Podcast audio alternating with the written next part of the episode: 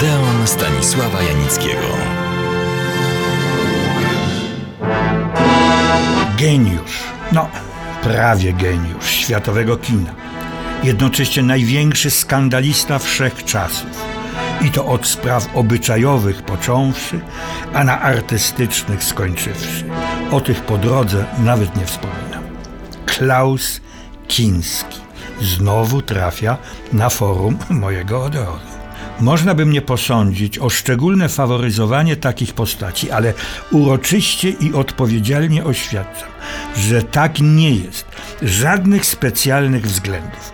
Nie ukrywam jednak, że ten potwór, jak go powszechnie nazwano, mnie fascynuje. Jego role filmowe, jego wystąpienia publiczne, jego poglądy, jego świat intymny, jednocześnie odrażający, a momentami niezwykle piękny jego dokonania teatralne czy estradowe.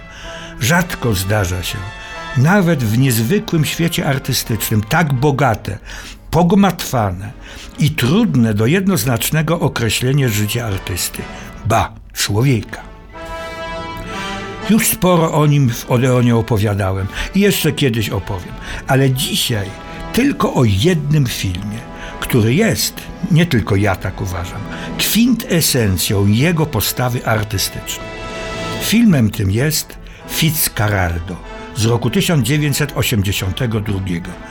Reżyserował go Werner Herzog, który Kińskiego wielbił i nienawidził, a miał ku temu konkretne powody, bo praca z Kińskim, szczególnie na planie, to była prawdziwa udręka. Werner Herzog, jeden z najznakomitszych reżyserów kina niemieckiego i światowego, który związał się z Kińskim na wiele lat. To był jego skarb, ale jednocześnie jego przekleństwo. Zachwyt i poczucie klęski, euforia i rozpacz granicząca z obłędem, łzy i trucizna. Ale sztuce prawdziwej, autentycznej i oryginalnej te stany często towarzyszą. Niektórzy twierdzą, że muszą towarzyszyć. A przed i po premierze czerwone dywany, jaskrawe światła na bohaterów, błysk fleszy, niesłyszalny już dziś szum kamer, kiedyś był to stłumiony terkot, uśmiechy i tęskne spojrzenia pięknych pań, zawistne, ale utrzymane w ryzach spojrzenia panów. Cały ten cyrk Przypuszczam, a nawet mam na to dowody, że tak te uroczystości odbierał Klaus Kiński. Jednak wykorzystywał je także do prezentacji swoich oryginalnych poglądów i tak. Zawsze był sensacją numer jeden.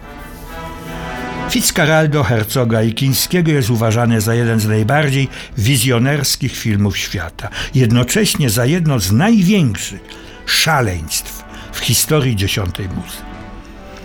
Tytułowym bohaterem jest Irlandczyk Brian Sweeney Fitzgerald, zwany w Ameryce Południowej Fitzcarraldo. Dla jasności, to postać autentyczna, historyczna, żył na początku XIX wieku w Peru. Była to postać niezwykła, wizjoner. Najpierw chce zbudować kolej transandyjską.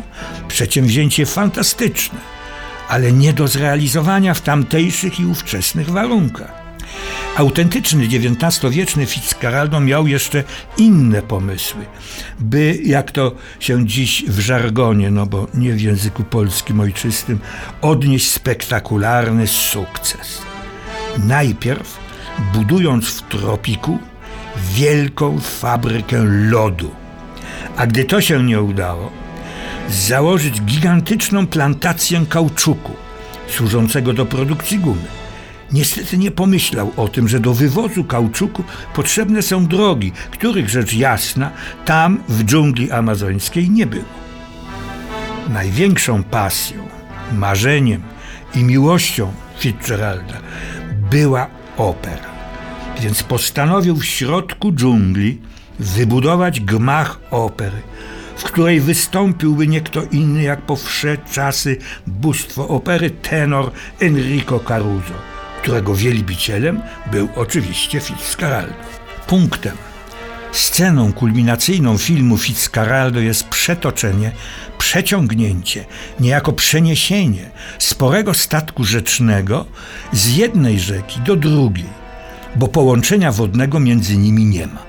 Kłopot to poważny polegał na tym, że rzeki te rozdzielało wysokie, porośnięte gęstą dżunglą, wcale niemałe wzgórze. Dla Fitzcarralda nie ma jednak rzeczy niemożliwych. Najpierw wzgórze zostaje wykarczowane, mordercze zajęcie, a potem statek ważący 340 ton, przeniesiony, przesunięty, przepchany. Powiem zaraz, do realizacji tego równie niezwykłego, co obłędnego filmu nie użyto ani jednego triku. Wszystko, co widzimy w tym filmie, wykonano, chciałoby się powiedzieć, własnymi rękami. No, to znaczy rękami przede wszystkim miejscowych Indian. Do jakich scen dochodziło? Opisane zostało w opasłych tomach. Były one jednak niczym w porównaniu do scen, do jakich dochodziło między odtwórcą głównej roli a reżyserem filmu, czyli Klausem Kinskim i Wernerem Herzogiem.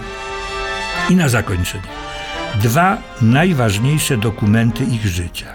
Herzog zrealizował dokumentalny film Mój ukochany wróg, zaś Kiński napisał boleśnie szczerą, ale szokującą autobiografię Ja chcę miłości. Serdecznie Państwa zapraszam do następnego Odeonu.